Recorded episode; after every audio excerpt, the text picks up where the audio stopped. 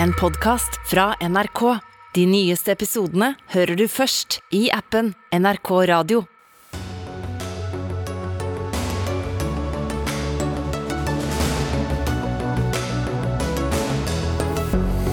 Prøve løslatelsessaken til 22.07-terroristen startet i dag med hele Medie-Norge til stede. Men hva får publikum egentlig ut av denne rettssaken? Høyre beskylder Rødt for uærligheter i debatter om bemanningsbransjen etter at partiets Mimir Kristjansson beskyldte Høyre for å drive med lønnstyveri. Snøscooterløyper splitter lokalsamfunn og familier i nord. MDG roper nå på staten. Senterpartiet kaller det hele for nasjonalpolitisk miljøteater. Og Sverige, som stadig står utenfor Nato, mobiliserer i Østersjøen. Gotland får militære forsterkninger som svar på Russlands opptrapping i konflikten med Ukraina. Ja, dette er eh, Dagsnytt 18 tirsdag. Jeg heter eh, Espen Aas, og i løpet av sendingen skal vi også snakke om striden mellom den britiske kringkasteren BBC og landets regjering. Men så startet den, da. Prøveløslatelsessaken med 22.07-terroristen. Der han kom med lapp på brystet og på PC-bagen, og valgte også denne gang å gjøre hilsen da det hele startet. Han eh, hevdet også at han personlig ikke var ansvarlig for terrorhandlingene 22.07. Krimkommentator her i NRK, Olav Rønneberg, du fulgte det hele. Hvordan eh, forklarte han seg?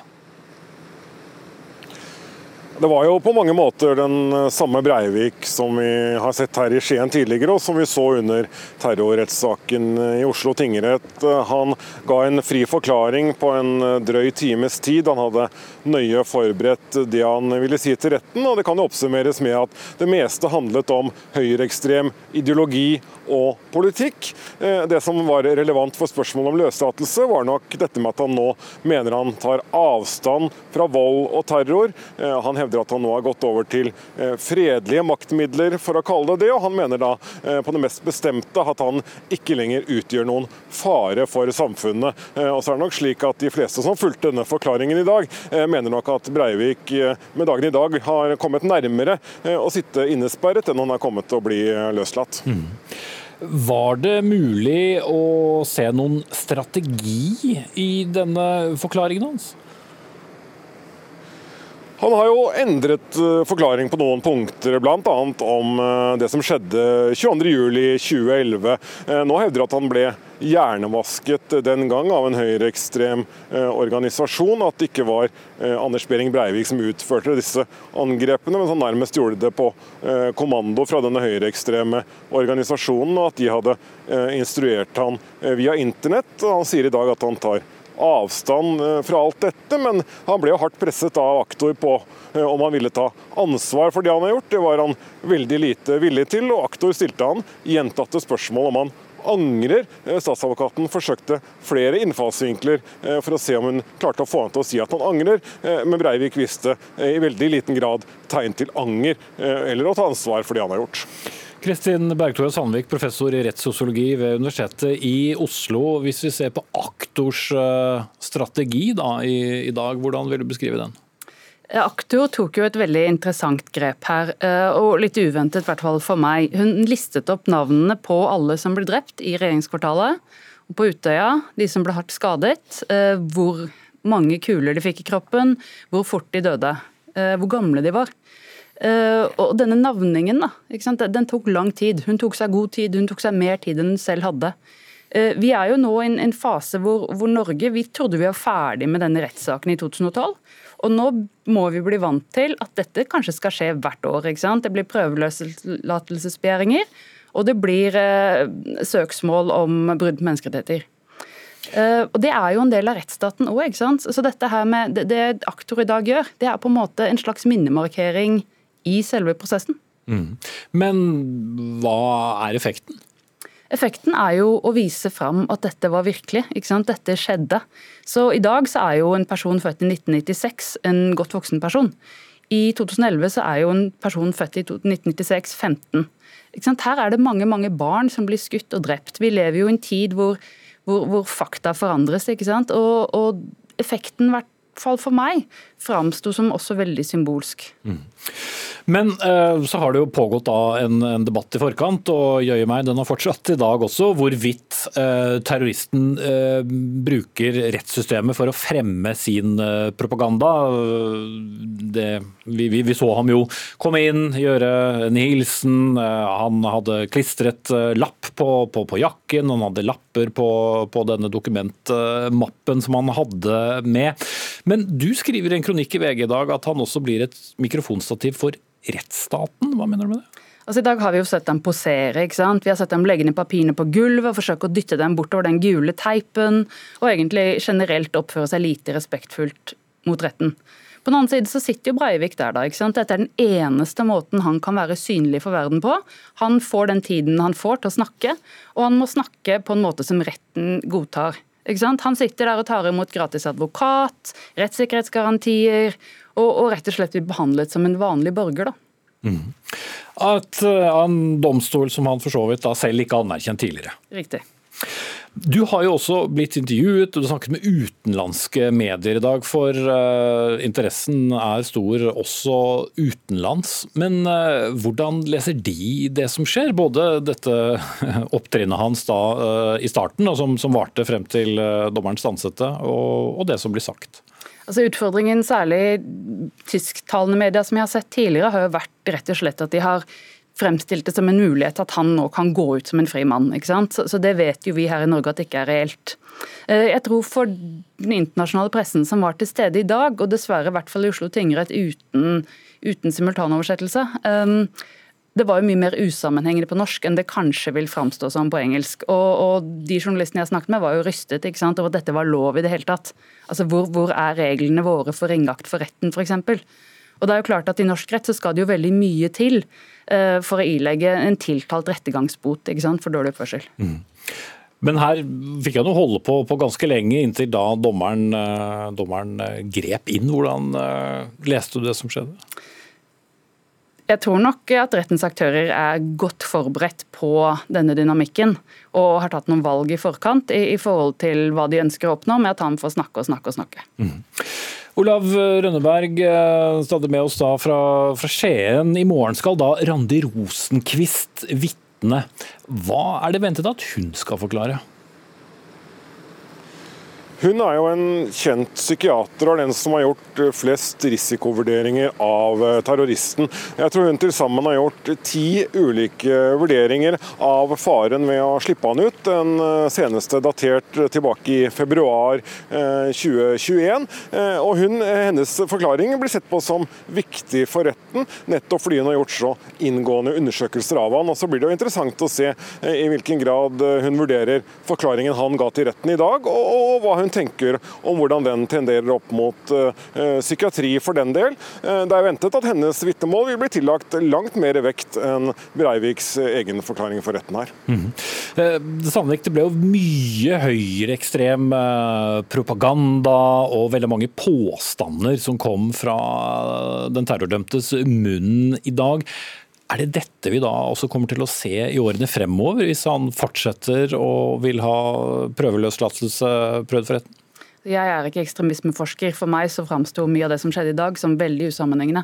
Ja, jeg tror nok at, at rettens prosesser er, er, såpass, hvis jeg kan bruke ordet kjedelig, at etter hvert som dette blir rutine, så, så, tror jeg nok at dette i noen grad vil forsvinne fra folks bevissthet. Og så vil jeg bare understreke at Det var jo øyeblikk i aktors opplesning i dag ikke sant? som minner oss om andre ting i vår kultur, som er helt vanvittig heltemot. ikke sant? Det er lille Leila Selashi som prøver å snakke ham til rette før hun blir skutt. Ikke sant? Det er naboer og campinggjester som kjører ut med fare for eget liv for å redde ungdommer. Og Disse tingene skal vi også bli minnet på da, ikke sant? gjennom disse opplesningene. Vi følger saken videre. Kristin Berg-Tora Sandvik, rettssosiologiprofessor ved Universitetet i Oslo. Og takk til NRKs krimkommentator Olav Rønneberg.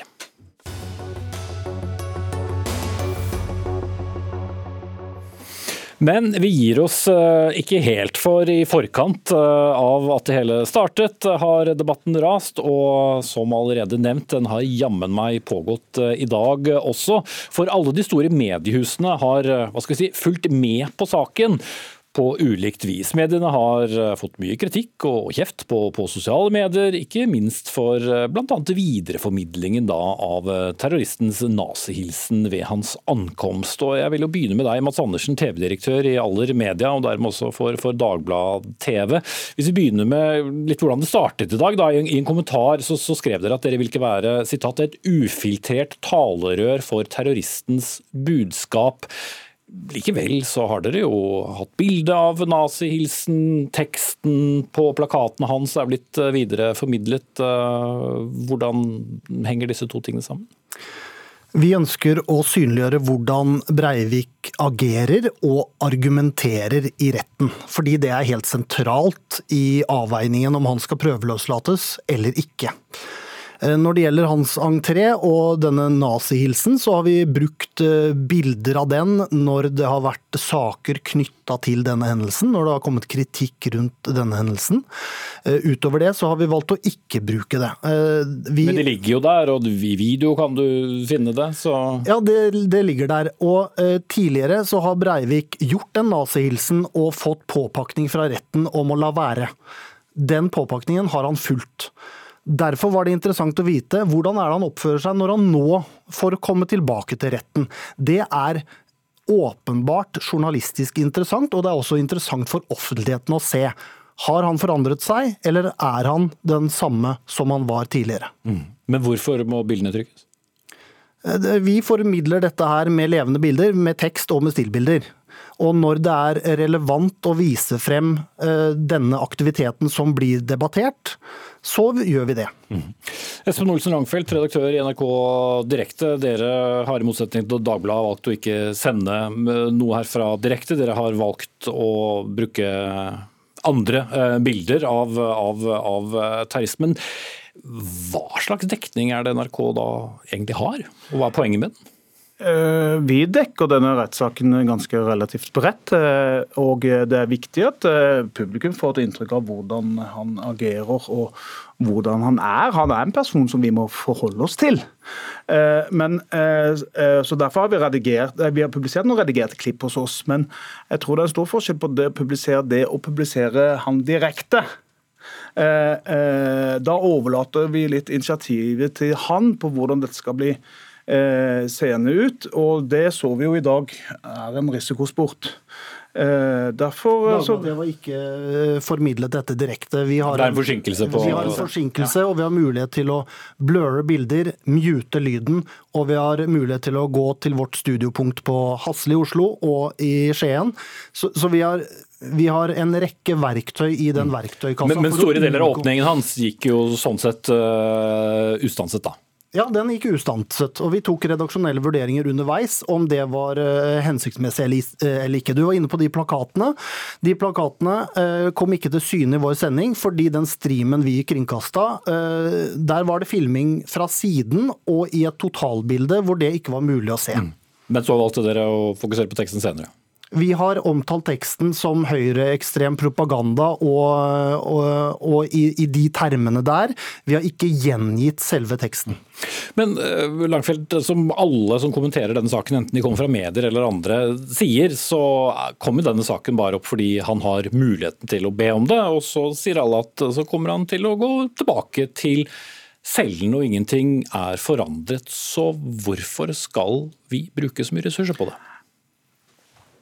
Den eh, kan være med på å belyse hvordan vi skal forholde oss som rettsstat til Anders Behring Breivik. Eh, og han er der, han lever. Eh, og der, så, så, Derfor så er det en del aspekter ved denne saken her som er interessant. Også det i forhold til eh, en, at vi får en vurdering hvorvidt den er farlig. Mm. For, for, Noen vil jo lure på hvorfor er dette toppsak i Dagsrevyen senere. Hvorfor er den toppsak her i Dagsnytt 18 nå? Hvorfor er den på forsiden av Dagbladet, VG, når utfallet er gitt? Og mange medier ender opp med å videreformidle veldig mye av det den terrordømte hevder eh, da i, i si gymsalen, men i denne rettssalen da, som er en gymsal. Ja, men nettopp, eh, ja, jeg har full forståelse for det, men, der, men nettopp derfor er det viktig at vi forholder oss egentlig til hva som er formålet med denne rettssaken. Og det er hans uh, mål for prøven, prøveløslatelse, prøvd. Og han har jo hatt som mål da, og også, som vi så i dag, å, å bruke dette som en talerstol for eh, masse teorier, konspirasjoner, høyreekstrem propaganda og sånne ting. Det forholder vi oss ikke til, men det er interessant å se på hva slags vurderinger som ligger til grunn til behandlingen av Anders Behring Breivik. Mm -hmm. Anine Kierulf, førsteamanuensis ved Institutt for offentlig rett ved Universitetet i Oslo, også spesialrådgiver ved Norges for, institusjon for menneskerettigheter. Du skrev på Twitter i dag at du skjønner lite av vurderingene som blir gjort når det gjelder pressens dekning av, av rettssaken. Hva, hva sliter du mest med? Nei, For å starte, det er full ytringsfrihet til all den dekningen som har skjedd i dag. Og det at vi har åpne rettssaler med mulighet for denne type overføring, det er et udelt gode. Men det legger også et særlig ansvar på de mediene som skal dekke det, i å ivareta medieetikken på en god måte. Eh, og jeg har jobbet med mediejuss og presse- medieetikk i, i 20 år. Og, og tror jeg kan en del av de hensynene som gjør seg gjeldende på begge sider. Og jeg er helt enig i alt som har vært sagt her om både om aktualitet, nyhetsverdi, eh, forklaringskraft, eh, mm. ikke minst eksponering av, av hvordan Ok, Men det er alt det du er enig i, så hva er det du ikke forstår? Nei, Det jeg ikke helt forstår, er hva som berettiger å vise denne nazihilsen når man vet hvor belastende det er for de etterlatte. Eh, hvordan dette blir misbrukt i radikaliseringsdeler av nettet som støtter Breiviks tankegods, eh, og hvordan man har tenkt at dette har en så stor nyhetsverdi i denne sammenheng at akkurat bildet, som jo åpenbart vil bli manipulert, brukt der ifølge de som holder på med dette, propagandagull eh, inn i disse kanalene. Hva er det som gjør at man tenker at det, eh, de, de, hensynene eh, utveies av aktualitets- eller nyhetshensynet i denne runden? At saken dekkes, at det er toppsak, det er første gang han får prøvet vilkårene. Alle disse, saker, alle disse argumentene følger jeg fullt ut, men jeg stiller meg spørsmål om det. Når det er sagt, så må jeg si jeg, jeg syns det er et udelt gode at norske medier vurderer dette ulikt. At mediene ikke går i flokk, heller ikke når det gjelder eh, presseetiske vurderinger, er bra. Men i en tid hvor nettet florerer av alternative nyheter og kvalitetssikret informasjon er en mangelvare, så er det desto viktigere at pressen åpner opp og mediene åpner opp sine etiske vurderinger av disse spørsmålene. Det gjør at det er litt paradoksale. Vi sitter her og bruker enda mer tid på dette, denne, på dette metanivået og gir det enda mer oppmerksomhet. Det er faktisk ganske viktig, for troverdigheten til de redigerte mediene står på spill i eh, den digitale tidsalder, og den må ivaretas ved at denne type vurderinger åpnes opp i mye større grad enn det som mm. gjøres. Nå har vi hørt uh, forklaringen til Mads Andersen én gang. Det var gjort uh, klargjøringer i, i forkant om hvorfor de forskjellige mediene dekker det. Så er det så mange spørsmål igjen? Ja, jeg tenker Dette spørsmålet er fremdeles helt ubesvart for meg. Hvordan har dere vurdert disse motstridende hensynene, og hva er det som gjør at de ikke er tungtveiende nok, selv i tredje runde han er i retten og viser denne hilsen? Vi har vurdert det sånn at vi mener at bruddstykker å presentere Breivik eh, i stykkevis og delt ut fra dagen i dag kan bidra til enda eh, mer grobunn for konspirasjonsteorier enn om folk ser my mye mer av hans refleksjoner. Men ta det med bildet først, var det hun spurte om. Ja, altså, bildet er, er en dokumentasjon av hva som har skjedd i retten i dag. Vi har gjort dette med eh, så sobert som overhodet mulig. Vi har ikke brukt f.eks. nazihilsen hans eh, uten at det har vært journalistisk betinget og at det har blitt debattert. Jeg antar at hvis Dagbladet hadde, hadde laget en tittel på 'slik eh, hilste han i retten' og ikke viste bildet, så hadde vi, hadde vi sannsynligvis blitt beskyldet for for å lure folk inn. Det, det, men, men, ser du ikke forskjellen på det å beskrive noe som skjer, og dermed tilkjennegi hvordan denne rettssaken har forløpt, og de nedsidene, det akkurat det Det er en grunn til at det heter at et bilde sier mer enn tusen ord. Akkurat denne type bilder. Hva er deres vurdering av radikaliseringspotensialet? Hva er deres vurdering av nedsidene for de etterlatte?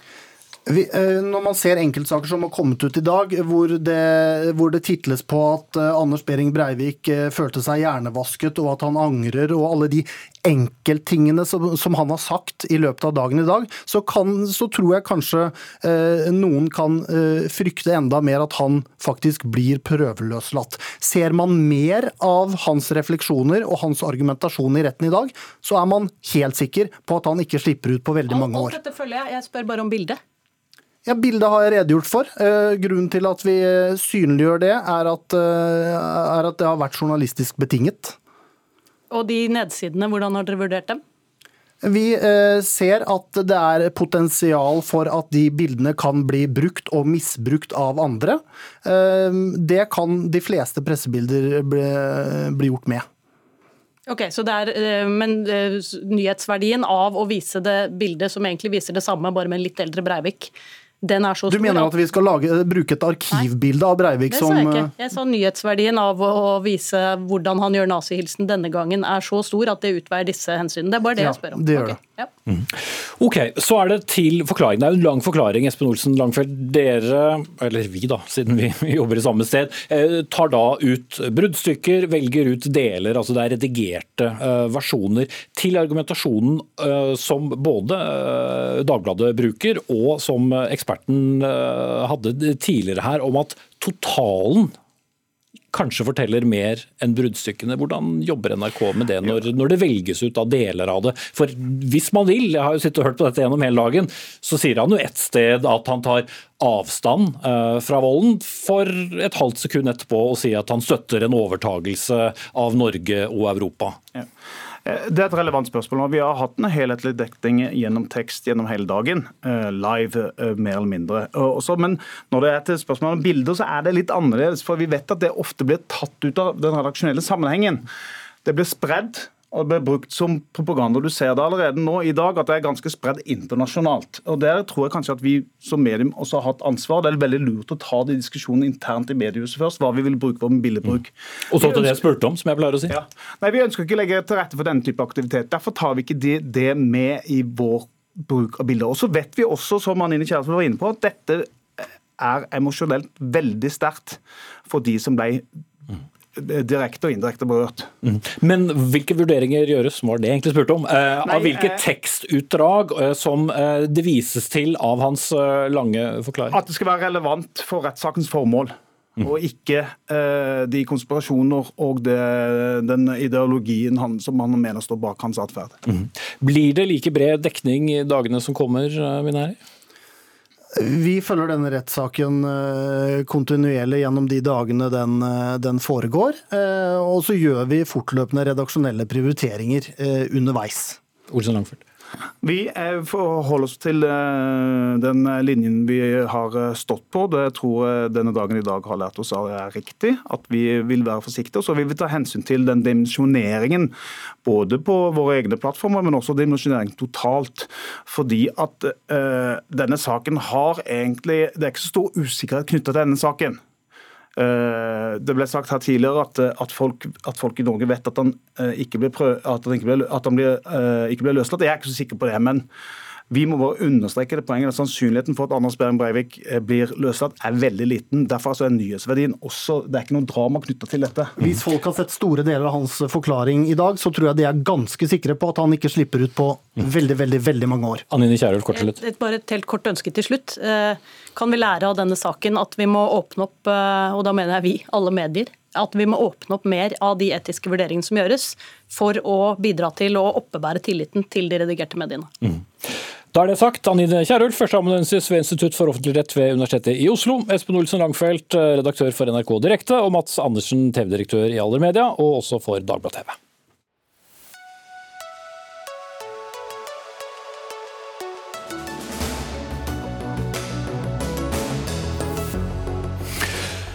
Svenskene er ingen del av Nato, men får opptrappingen av konflikten mellom Russland og Ukraina landet til å tenke annerledes? Vel, det lurer vi på litt senere i sendingen. Men vi skal vestover, eller sørvestover. Den britiske kringkasteren BBC er i hardt vær i konflikt med landets regjering. For i går kveld bestemte kulturministeren seg for å fryse lisensen på dagens nivå i to år frem, fremover, noe som påfører BBC en solid inntektsnedgang. Dette skjer parallelt med at statsminister Boris Johnson stadig kjemper for sitt politiske liv etter alle avsløringene rundt fester i regjeringskontorene da det var strengt forbudt under pandemien. London-korrespondent Gry Blekastad Almås, regjeringen sier at vedtaket om å fryse denne lisensen skjer fordi de ikke kan påføre enda mer press på vanlige folks økonomi. Men eh, betydningen for BBC, hvor stor er den? Det blir snakk om mye penger. Ja, eh, Det blir snakk om et tap på nesten 300 millioner pund, ifølge BBC, som har regna på bortfallet da, av inntekt eh, de neste to årene med fryst lisens, pluss de fire årene etter det igjen hvor, eh, hvor, lisensen skal følge inflasjonen. Og Det betyr jo rett og slett kutt i tilbud til publikum, som i dette jubileumsåret altså må tåle at noe av programtilbudet blir borte. 100 100 år feiler, feirer eh, BBC i år. Mm. Sammen med dette så kommer det også signaler om at uh, den britiske lisensordningen skal endres. altså Britene betaler fortsatt inn lisens uh, fra hver enkelt husstand, slik vi gjorde i Norge tidligere. Men mange har tolket også dette som et angrep på BBC. Hvordan gjør de det? Ja, altså bare for å ta holdt på å si, kronologien her. Dette ble jo først tweetet uh, av kulturministeren Nadim eh, Å, nå, nå kommer jeg ikke på etternavnet hennes i farten. Ingen vet hvem uh, På søndag kveld, i hvert fall. Ja, nei, ok. Kulturministeren, i hvert fall, i Boris Johnsons uh, regjering. Doris heter hun etter navnet nå kom det. Um, hun tweetet dette. Det fikk hun kjeft for i går da hun la fram denne politikken i, uh, i parlamentet. Uh, for sånn gjør man jo ikke. Man orienterer parlamentet først om en planlagt politikk. og det hun sa, var at i løpet av disse seks årene så skal man diskutere den framtidige måten å finansiere BBC på. Eh, en diskusjon vi har hatt i, i, Norge som har endt med en annen finansieringsmodell enn lisens i Norge. Eh, og den diskusjonen skal de da bruke eh, disse seks årene på. Men det kom overraskende på BBC tidspunktet, fordi de var midt i diskusjoner med regjeringen om hvordan de skal håndtere den skiftende, skiftende mediebildet generelt framover. Derfor blir dette tolket, tolket som et angrep. Men det blir jo også tolket som eh, en avledningsmanøver, rett og slett. Vi vet jo at eh, regjeringen med Boris Johnson i spissen da er i veldig hardt vær pga. Av disse avsløringene av eh, potensielt ulovlige fester gjennom eh, hele pandemien.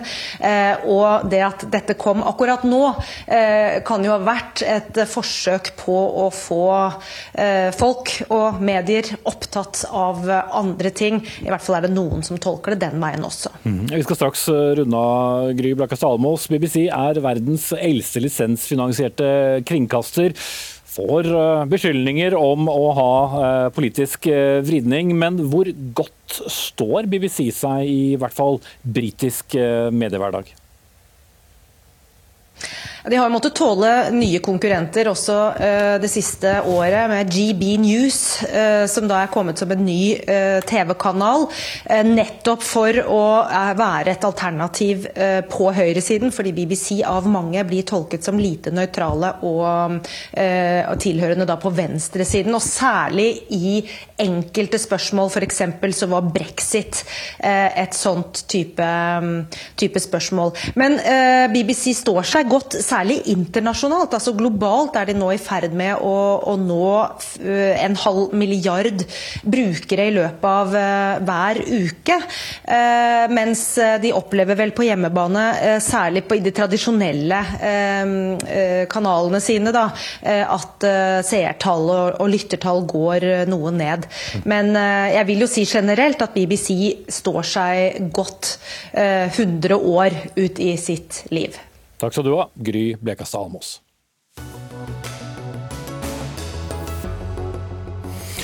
Vi skal videre til en glohet politisk potet eh, som også bærer navnet bemanningsbransjen. En eh, bransje som benytter seg av innleie av arbeidskraft, særlig mange unge og arbeidsinnvandrere. Hva slags bransje bemanningsbransjen er? Vel, spør du Høyre, så vil de nok forklare at eh, dette er inngangen til arbeidslivet for mange. Spør du partiet Rødt, så er det norsk arbeidslivsversting. Mimmi Kristiansson, stortingsrepresentant eh, for Rødt. Eh, litt av årsaken til at vi har den diskusjonen er en eh, aldri siden kronikkrig mellom eh, dere og, og Høyre hos Nettavisen. Men dere som parti har levert inn forslag om å forby hele bemanningsbransjen. Så hvis vi går til politikken, hva skal erstatte denne bransjen egentlig? Nei, Da skal vi gjøre det på den måten vi gjorde det i Norge før bemanningsbransjen fantes. altså Dvs. Si før år 2000. Så Bemanningsbransjen er ikke noe vi har hatt med oss siden Eidsvoll 1814. Det er noe som er ganske nytt. Og vi løste bedriftenes behov for arbeidskraft gjennom en kombinasjon av utleie mellom produksjonsbedrifter, altså at ett byggefirma med få oppdrag leier til et annet byggefirma med mange oppdrag og offentlig arbeidsformidling. At man hadde en helt annet fokus på at staten skulle hjelpe folk i jobb. Og sist, men ikke minst, ved at man faktisk ansatte de folka som jobber i en bedrift, i den bedriften som utførte jobben. Og Det er jo det som er så paradoksalt med bemanningsbransjen i dag.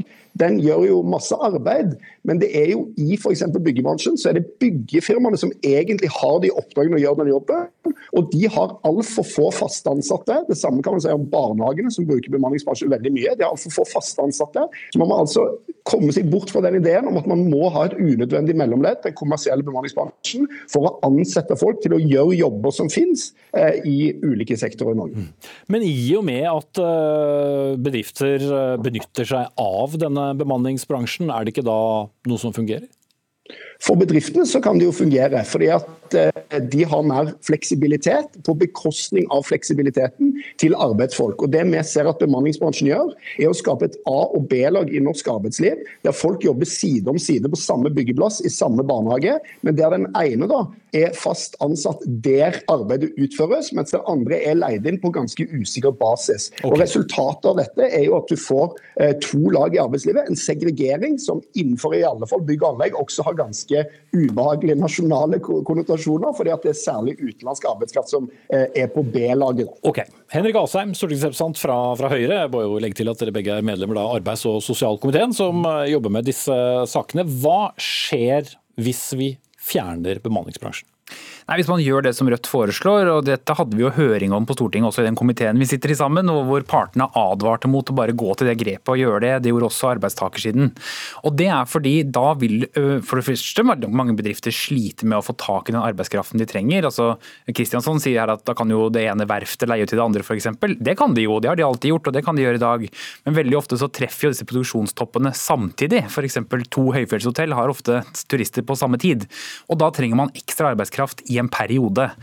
Og Da vil det andre også skje, nemlig at du legger ned en bransje som sysselsetter ca. 70 000 mennesker hvert eneste år. 40 av de som kommer inn i bemanningsbransjen, de kommer fra arbeidsledighet. 20% er studenter. De vil med et slag da miste den tilgangen til arbeidskraft, som også betyr at de kan få CV-er, attester, eh, og vi vet også at 40% det melder Manpower selv, som er en av de største aktørene, i løpet av ett år er i fast jobb der hvor de har vært på oppdrag. Så dette er jo en måte å komme inn i arbeidslivet på. Men det er politisk omstridt til tross for over 20 år. Regjeringspartiet Arbeiderpartiet er heller ikke noe begeistret. Må bare bli enig med Senterpartiet om hva, hva regjeringen ja. Mener om dette. Og det er vel ikke bare pga. politisk eh, ideologi Nei, det har vært kritikkverdige forhold i enkelte av de bransjene som har brukt uh, bemanningsbyråer f.eks. Derfor var det sånn at selv en uh, Høyre-Frp-regjering strammet jo inn på en del av disse ordningene. Sa f.eks. at skal du begynne å jobbe i et bemanningsbyrå, så skal det byrået fast ansette deg til en fast lønn. Også at du får lønn mellom oppdrag. Det er en veldig viktig sikkerhet. Men samtidig så kan vi ikke da si at siden noen misbruker et regelverk, så skal vi forby en hel bransje. Det er et ganske radikalt forslag, så kommer det fra Rødt òg, men det er veldig radikalt. Og si at da skal alle forbys. Mm. Hvis, har, eh, hvis noen nattfistes på en restaurant i Oslo, så forbyr du ikke alle restaurantene i Oslo, du stenger ned den restauranten. Kristiansson. Nei, Det er jo ikke et mer radikalt forslag enn at Arbeiderpartiet i sin 100-dagerklæring sier at de vil forby bemanningsbransjen overalt hvor han fortrenger fast ansatte, som jo egentlig betyr så å si overalt.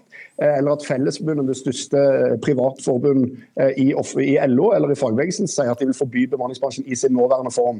Men grunnen til at vi går til det skrittet, er jo at man har prøvd i Norge i 20 år å få orden på bemanningsbransjen. Det har blitt kjempa grundig fra fagbevegelsen område etter område har man prøvd å få på plass tariffavtaler, organisering osv.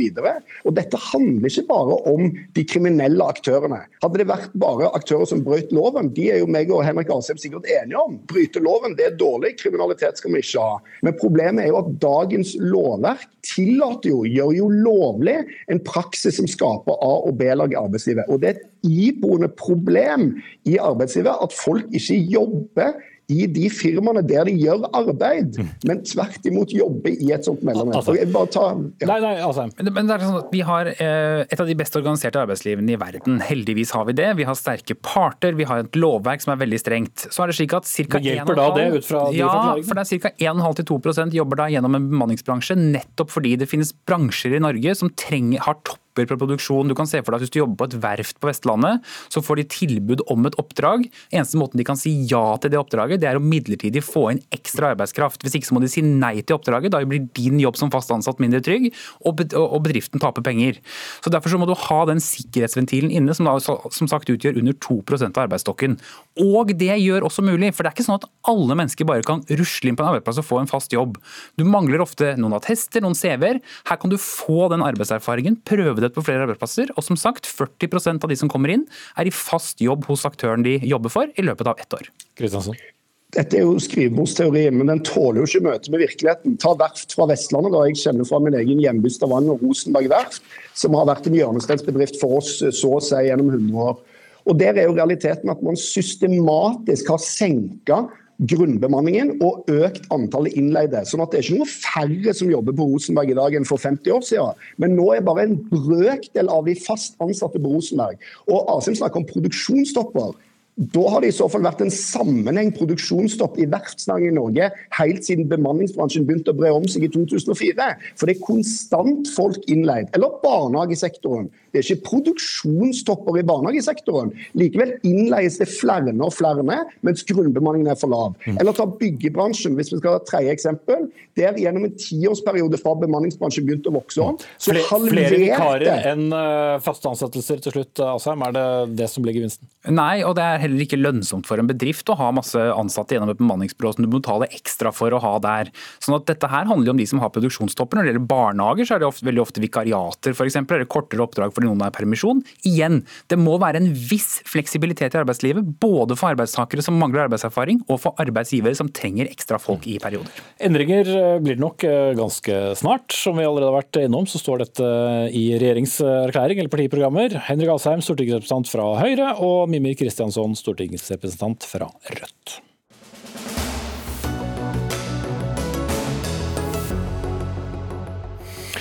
Så skal vi snakke om eh, snøscooterløyper. For det er ikke bare slik at de binder steder sammen. De splitter også steder, både lokalsamfunn og faktisk også familier. Siden 2015 så har kongeriket fått 2500 nye kilometer med snøscooterløyper, etter at kommunene i større grad fikk bestemme hvorvidt det var forsvarlig. Men som vi bl.a. hørte i morgennyhetene her i NRK i dag, mobiliseres det nå i mange kommuner og småsteder mot nye løyper. En som gjør det er deg, Turid Bredesen. Du er fastboende i bygda Skeiti i Nordland, som har elleve innbyggere. Hvordan påvirker en scooterløype hverdagen din? Ja, han eh, påvirker med at eh, det blir mye mer eh, støy, både fra bil og scooter. For de har gjort det så finurlig at de har laga parkeringsplass innerst i bygda, istedenfor ytterst i bygda. Så, så alle skal da kjøre bil og henger inn dit. og så de som da har hytter, karavanplass, de skal da kjøre de blir jo da kjørt scooter. Og da er det ut på, på veien og rett forbi huset her. Mm. Og, så fortalte du jo til oss da at dette er jo noe som splitter, splitter familier, sågar din egen. Men hvorfor er dette så omstridt? For noen mener jo åpenbart at dette er en god idé, andre som deg tvert imot. Så hvorfor er dette så splittende? Uh, ja, det, altså, vi, er jo, vi, er jo, ikke imot skuterkjøring og skuterturismen i seg sjøl. Men, uh, men, det er jo hele den der prosessen som, som uh, ligger i grunnen her. Uh, og så det er enigheter om skuterløypa, hvor den skal være. og sånn. Vi, vi, som kan si er imot det, vi er verken blitt tatt med i, i noe altså Vi er ikke blitt tatt i noen ting, vi er ikke invitert på møter. Vi er i, også rett og slett vi er blitt overkjørt. Mm. Vi har litt uh, dårlig lyd på den linjen til deg, Turid Bredesen. Jeg skal gå til Chris uh, Rokkan uh, Iversen, nestleder i Miljøpartiet De Grønne, med oss fra, fra, Harstad i Troms. Dere har jo da tatt til orde for at staten igjen må få større innflytelse over snøscooterferdsel i utmark. Hvorfor er det et poeng? Vet man ikke best lokalt hva som er best? Ja, nå er jo Naturen den er jo en uerstattelig nasjonal verdi som må forvaltes som en helhet. og Det mener jo i hvert fall jeg at uh, man best kan gjøre når man har fullstendig oversikt, og at det ikke er så fragmentert som det blir nede på kommunalt nivå. da. Eh, og det er jo også sånn at Vi ser fra 2015 til 2020 da en voldsom eksplosjon i eh, antallet skuterløyper som er anlagt. og som dere sa, ja, sånn, Det er jo en kilometer eh, si, Tripptelleren der har jo gått opp eh, til å være eh, det, altså Avstanden mellom Lindesnes og Nordkapp eh, bare på fem år. og vi vet at flere av disse løypene er anlagt gjennom områder som har, er svært verdifulle for friluftslivet og som har viktige naturverdier og der det er vanskelig å kunne eh, klage på det. Eh, det er vanskelig for noen andre å komme inn og si at her må man kanskje ta en fot i bakken og tenke seg eh, om igjen. Fordi at også statsforvalteren har fått en begrensning i forhold til å være den vaktbikkja som naturen fortjener. Ok, Ivar Pressbakmo, medlem av Stortingets justiskomité for regjeringspartiet Senterpartiet. Hva syns du om utviklingen i snøscootertrafikk og etablering av nyløyper siden 2015? Altså Det er jo helt naturlig at du har eh, diskusjoner lokalt om lokale spørsmål. Det har du om veier, det har du om skolebygg, det har du om barnehagen. Mm. Og det er naturlig at du har det om snøscooterløyper også. Men, Men hva syns du om utviklingen, som var spørsmålet? Ja, altså Det er jo få år siden det faktisk ble lov å etablere snøscooterløype utenfor Nord-Troms og Finnmark. Så den utviklinga er jo helt naturlig, og den er god. Og det er ikke sånn som Råkan Iversen sier, at her har man ikke oversikt lokalt. Altså MDG utviser jo en generell mistillit mot lokale politikere og lokalsamfunn som faktisk lever i denne naturen, og som vil benytte den både til å gå på ski og kjøre scooter. Men du hørte Turid Bredesen var vel litt mildt begeistret over uh, tilstanden i hennes Ja, og hvis du tar og spør noen som er, er mot en skolenedleggelse i en kommune, så vil du høre om omtrent samme engasjementet. Så det er jo sånn at uh, Scooterløype opprettes etter lov om motorferdsel i utmark, og man kan bruke plan- og bygningsloven sine prosesser.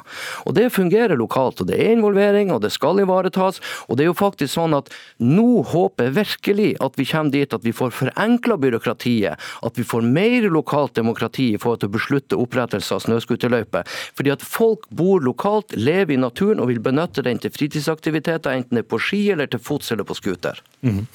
Iversen, hvorfor stoler du da ikke på lokaldemokratiet? Hvorfor er du sikker på at det alltid går i naturens eh, disfavør? Nei, Man ser jo veldig ofte når eh, kommuner står i vanskelige prosesser der de skal veie ulike hensyn opp, opp mot hverandre, at, det, at, det er naturhensynene som taper de mer langsiktige hensynene. Eh, og Når det kommer til der vi er i, i 2022, da, så står vi midt i en naturkrise som vi alle er nødt til å ta på alvor. og der En sak som dette også eh, kommer inn i, i det, på en måte, den helhetstankegangen. Da. Um, men, men, også, men du stoler altså ikke på at lokale myndigheter tar de vurderingene? Eh, jeg tror at det er vanskeligere å ha det nødvendige ørneblikket eh, når man sitter veldig tett på prosessene. Og jeg tror også at Eh, det er sånn at eh, man må sørge for at noen alltid eh, taler naturens sak. Det vet vi jo generelt er en problemstilling, at okay. naturens stemme ikke blir hørt. Ja, det her er jo en sånn besserwisser-holdning som jo viser at man overhodet ikke har tillit til lokalsamfunn. Folk velger politikere til kommunestyret. Innbyggerne velger de politikerne, og de gjør gode beslutninger.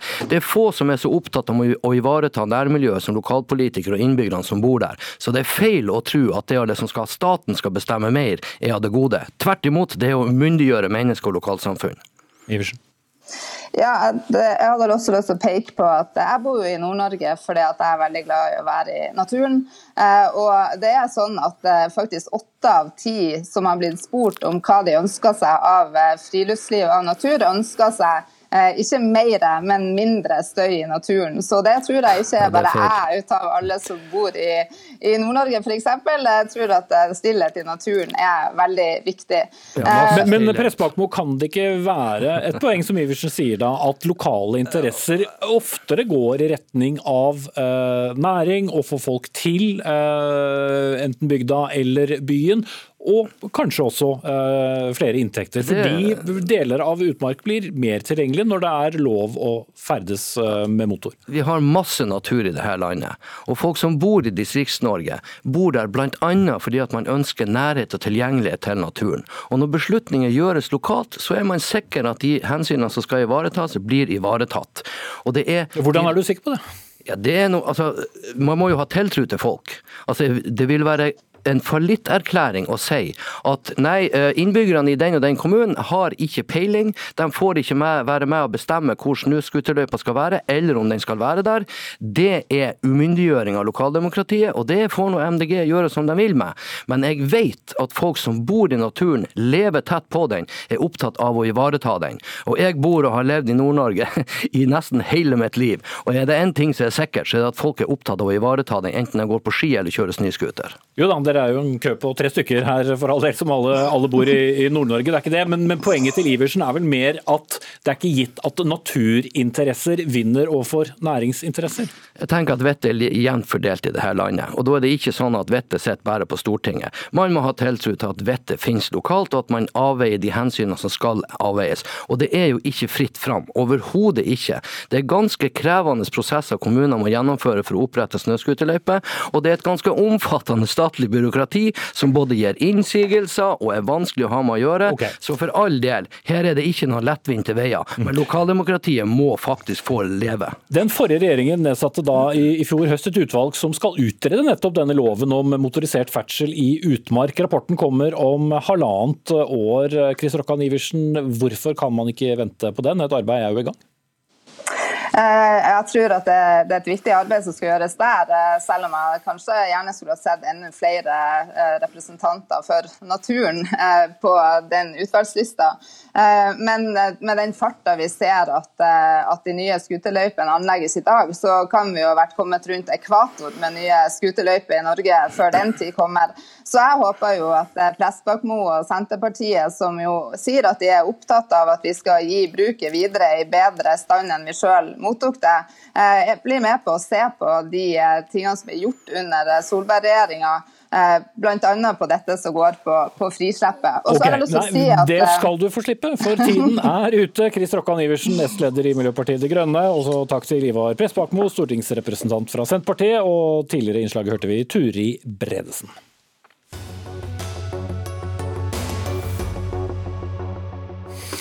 For vi skal også bruke tid på den spente situasjonen rundt Ukraina. Nå i ettermiddag inviterte Natos generalsekretær Jens Stoltenberg Russland til nye samtaler med Nato-landet rundt denne krisen. Blant annet vet vi at russerne i forrige uke sendte tre langgangsfartøyer inn i Østersjøen. Og svenskene, som ikke er en del av Nato, men nærmeste nabo med bl.a. oss, da, følger hele, med på det hele med jagerfyr fra luften, og har også utstasjonert om lag 100 soldater på Gotland. Denne svært strategiske plasserte øya som ligger om lag 90 km fra fastlandet. Og der er også du, Gro Holm, utenriksreporter her i NRK. Du er i Visby Hvordan merkes den svenske mobiliseringen på Gotland?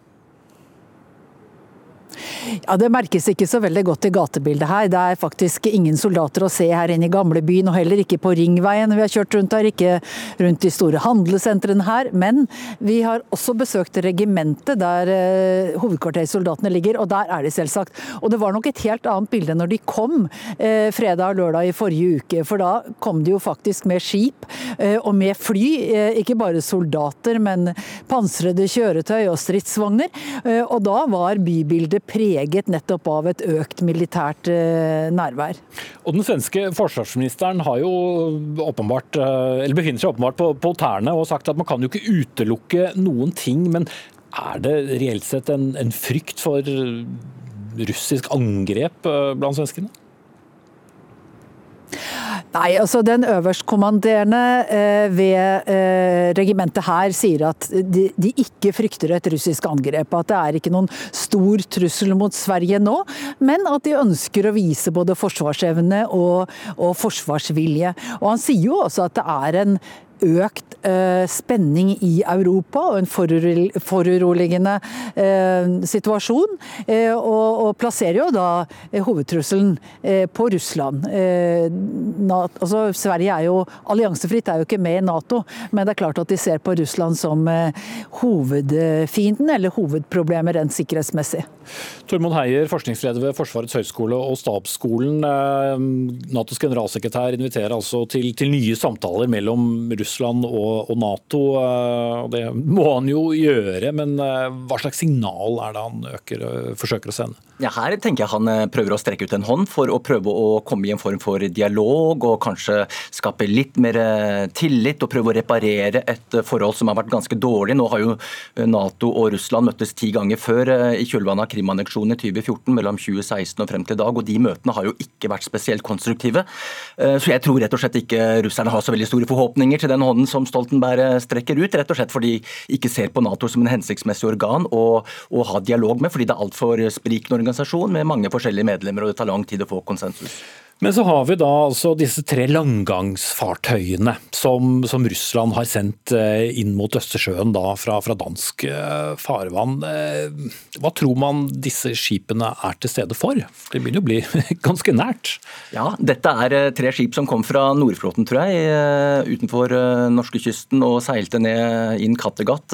Og dette er nok først og fremst en form for politisk kommunikasjon, hvor Putin ønsker å, slik jeg ser det iallfall, well øke presset på den eneste aktøren som virkelig har noe å si i dette spillet, og det er rett og slett eh, USA. og Det, det gjør han ved å skape litt mer engstelse og usikkerhet i denne regionen, som gjør at de allierte i Østersjøregionen legger økt press eh, på USA for å komme dem litt til unnsetning. Så her er det på mange måter eh, USAs troverdighet som en sikkerhetsgarantist som stilles litt på prøve. For dilemmaet her er jo at amerikanerne ønsker egentlig ikke, tror jeg, å bli stående med store amerikanske styrker i Europa over lengre tid, sånn som kanskje russerne prøver å få de allierte til å gjøre. og Dermed så kommer amerikanerne i et sånt dilemma, eh, fordi de ønsker jo fleksibilitet i forhold til å ha styrker inn i Sør-Kina-havet, hvor kanskje den største trusselen mot amerikanerne er.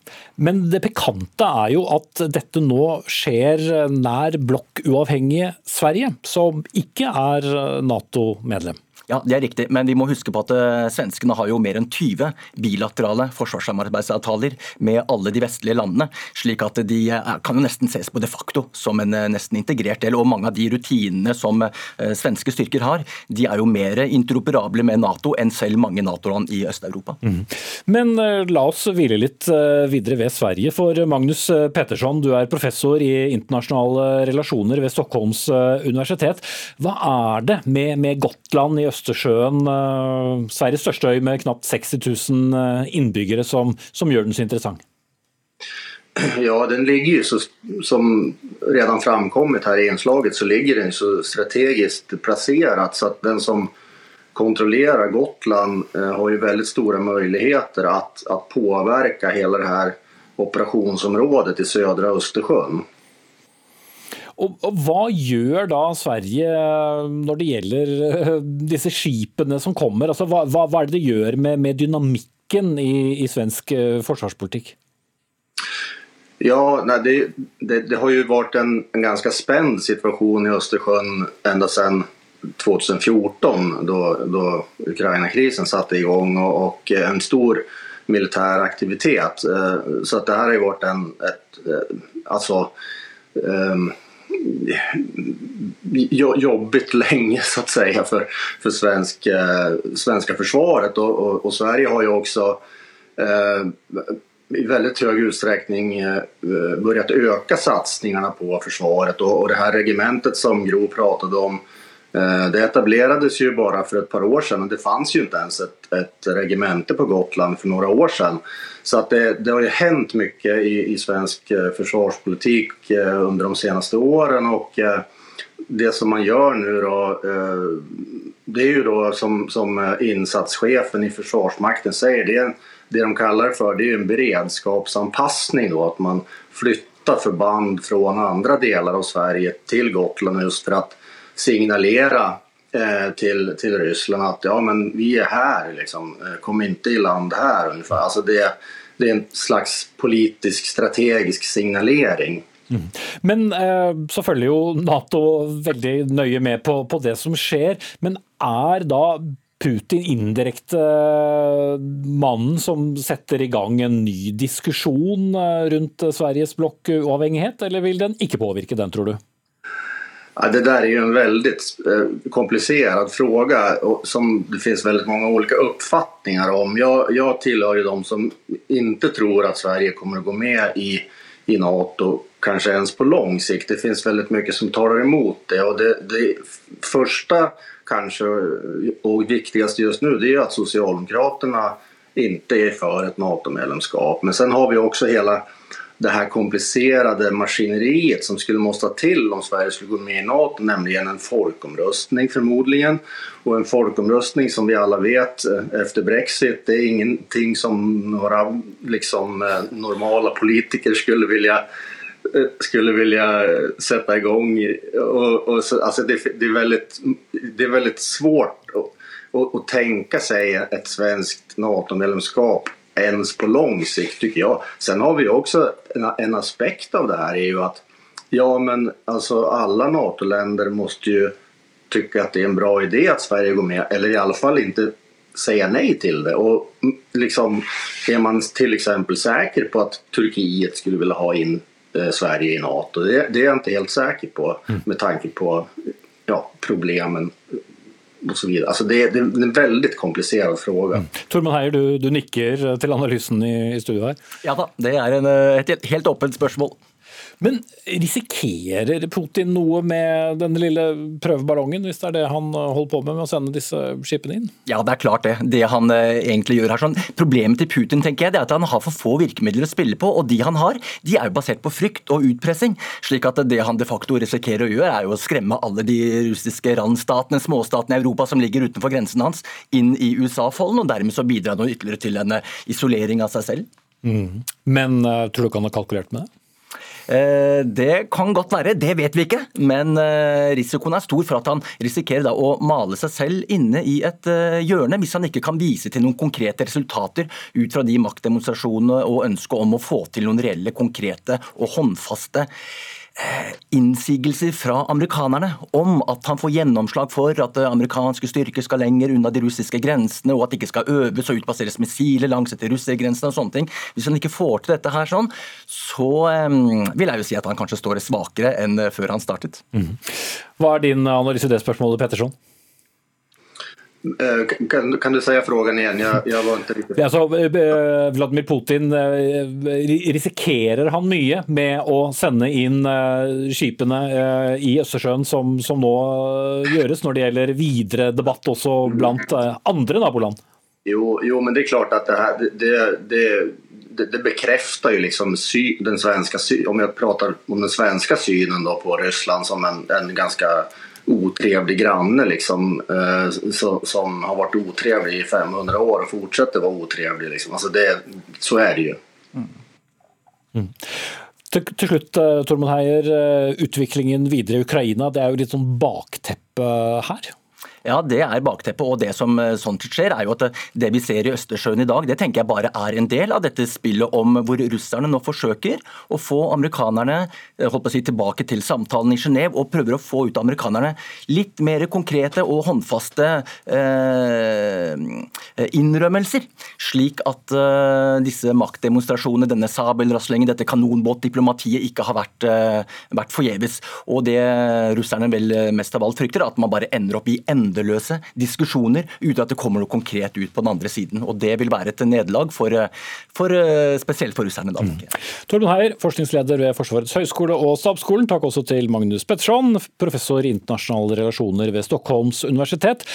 Mer om denne tematikken får du i programmet Debatten på NRK1 klokken 21.20. Vi er ved veis ende. Det var eh, Odd Nytrøen som var ansvarlig for eh, innholdet i denne sendingen. Frode Thorshaug tok seg av det tekniske. Jeg heter Espen Aas. I morgen er Sigrid Solund på plass i denne stolen. Takk for nå.